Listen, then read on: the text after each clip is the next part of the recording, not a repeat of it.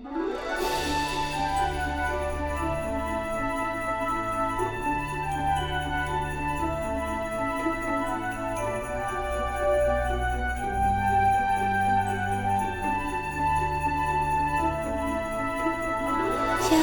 Sobat Muda Kekasih Tuhan.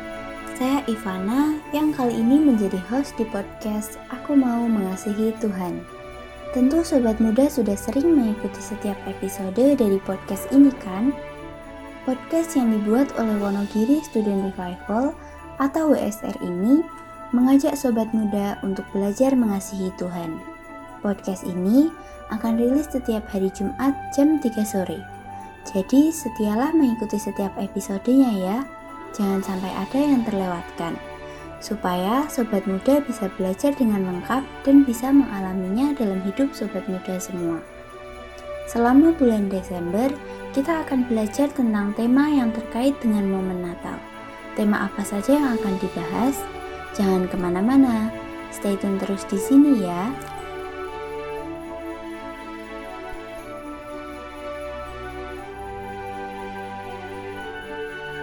Sobat muda, minggu lalu kita sudah mendengar pelajaran tentang Yesus Kristus adalah manusia sejati. Mungkin di antara sobat muda muncul beberapa pertanyaan setelah mendengar podcast minggu lalu.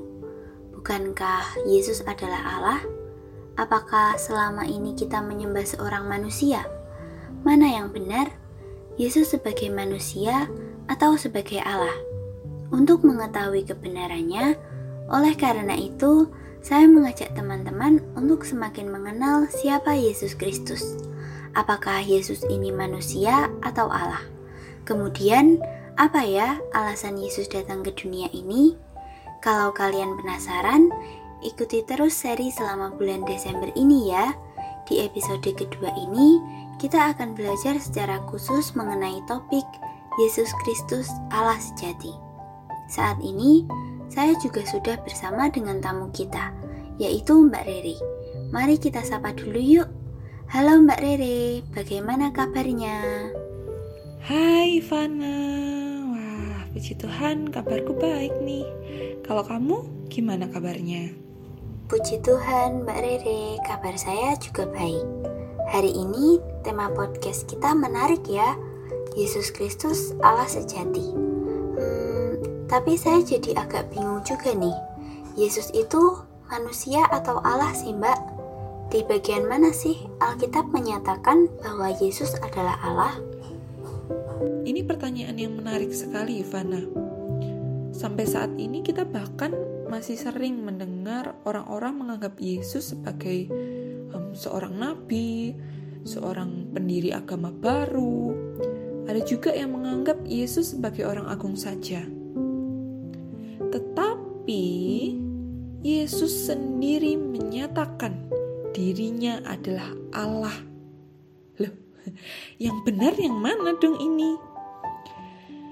Nah, apabila yang dinyatakan Yesus tidak benar mengenai dirinya, maka ia disebut sebagai penipu atau penyesat. Ya. Sebelum membahas hal ini lebih dalam, kita juga perlu mengingat ya bahwa Nabi Yesaya telah menubuatkan kelahiran Kristus itu 750 tahun sebelum Yesus lahir. Wah, itu jangkau waktu yang sangat lama.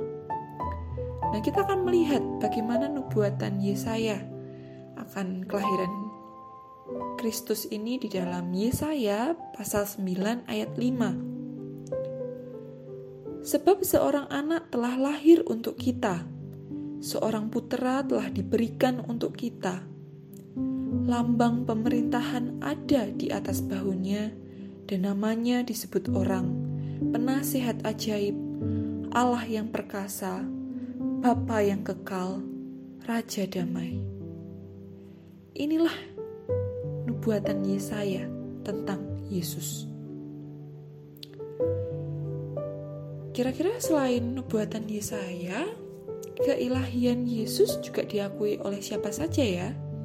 Mari kita lihat yang pertama di dalam Ibrani pasal 1 ayat 8. Tetapi tentang anak ia berkata, Tahtamu ya Allah, tetap untuk seterusnya dan selamanya, dan tongkat kerajaanmu adalah tongkat kebenaran.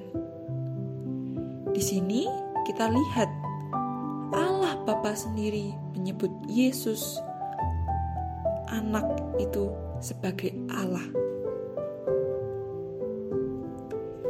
Yang kedua, kita akan melihat di dalam Matius pasal 14 ayat 22 sampai 33. Nah, teman-teman mungkin bisa membaca secara lengkap sendiri.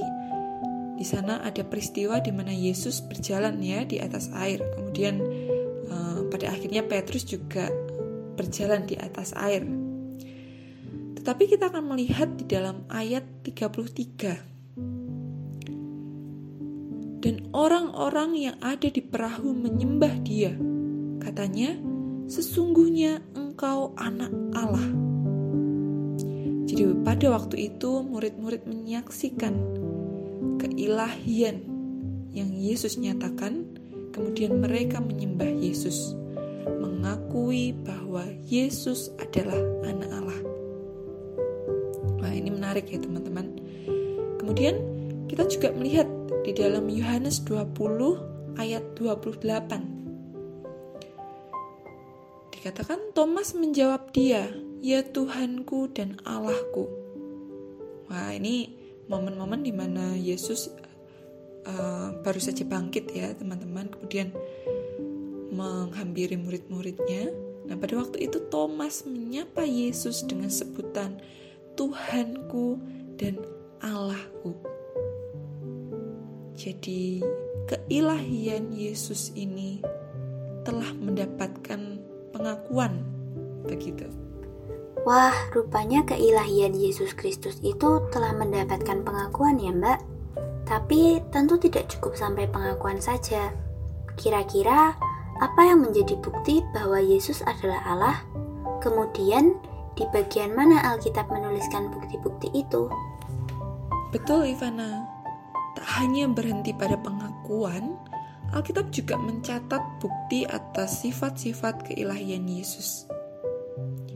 Kita akan lihat yang pertama di dalam Yohanes pasal 1 ayat 1, 14 dan 18. Nah, ayatnya yang pertama, pada mulanya adalah firman.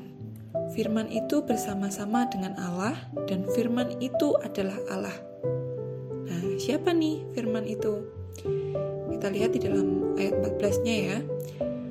Firman itu telah menjadi manusia dan diam di antara kita. Dan kita telah melihat kemuliaannya, yaitu kemuliaan yang diberikan kepadanya sebagai anak tunggal Bapa, penuh kasih karunia dan kebenaran. Ayat 18, tidak seorang pun yang pernah melihat Allah, tetapi anak tunggal Allah yang ada di pangkuan Bapa dialah yang menyatakannya. Di sini kita melihat bahwa Yesus adalah firman yang sudah ada sejak semula. Firman itu adalah Allah, teman-teman. Oke, nah bukti yang selanjutnya kita lihat di dalam Matius pasal 28 ayat 18. Yesus mendekati mereka dan berkata, Kepadaku telah diberikan segala kuasa di surga dan di bumi. Jadi, di sini Yesus bersaksi bahwa Ia memiliki segala kuasa di surga dan di bumi. Kira-kira Yesus itu berkuasa atas apa saja yang ada di surga dan di bumi. Nah, yang pertama, Yesus berkuasa atas alam, teman-teman. Hal ini dibuktikan di dalam Matius pasal 8 ayat 23 sampai 27. Pada waktu itu ada angin ribut ya di danau dan Yesus tertidur. Kemudian murid-murid membangunkannya dan Yesus menghardik angin itu. Dan seketika itu juga danau menjadi tenang.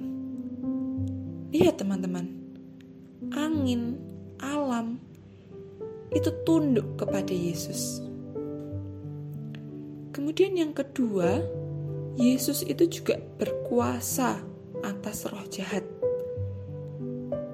kita bisa melihat buktinya di dalam Lukas pasal 4 ayat 33 sampai 36.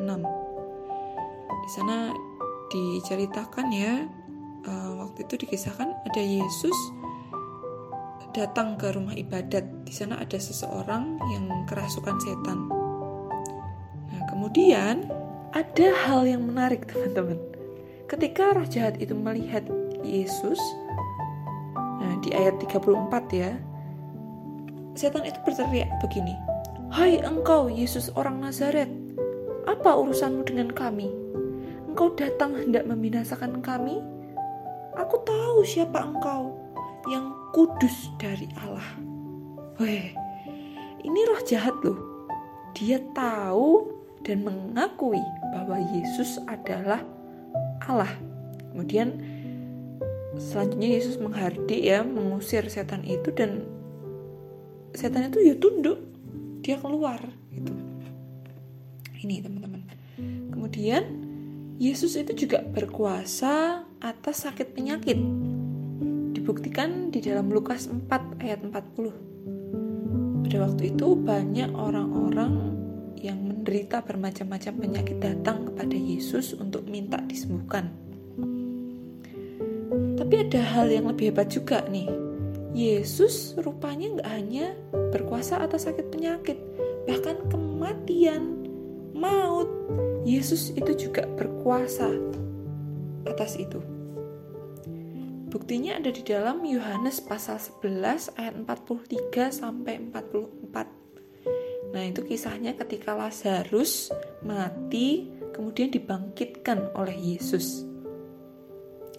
Ini ya teman-teman, jadi bukti nyata bagaimana kemahakuasaan dari Yesus Kristus.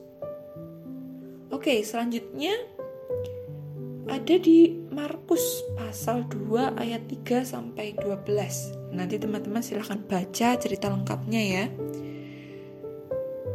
Itu ceritanya tentang orang lumpuh ya, kemudian mm, mau disembuhkan oleh Tuhan Yesus cuman nggak ada jalan sampai akhirnya uh, di dilewatkan lewat atap.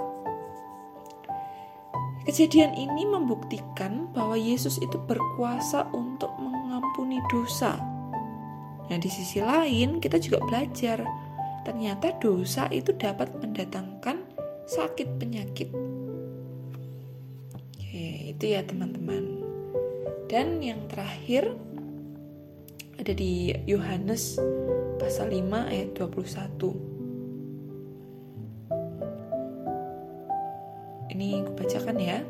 Sebab sama seperti Bapa membangkitkan orang-orang mati dan menghidupkannya, demikian juga anak menghidupkan barang siapa yang dikehendakinya.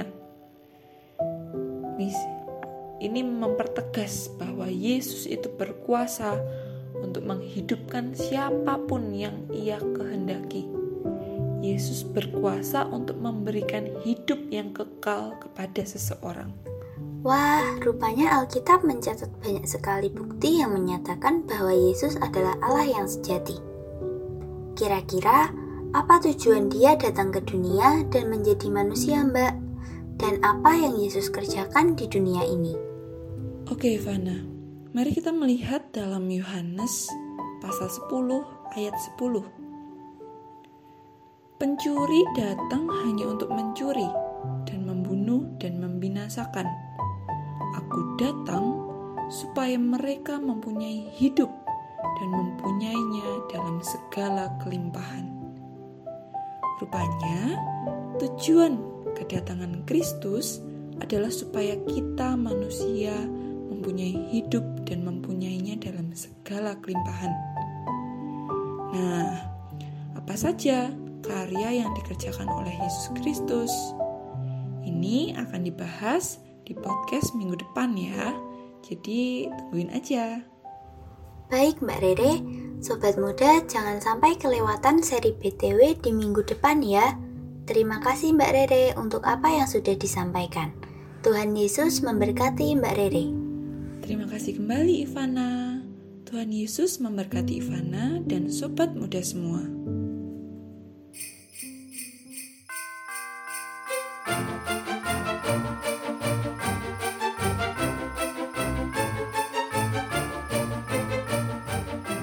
Sobat muda kekasih Tuhan, senang sekali ya hari ini kita bisa memperoleh penjelasan tentang Yesus Kristus Allah sejati.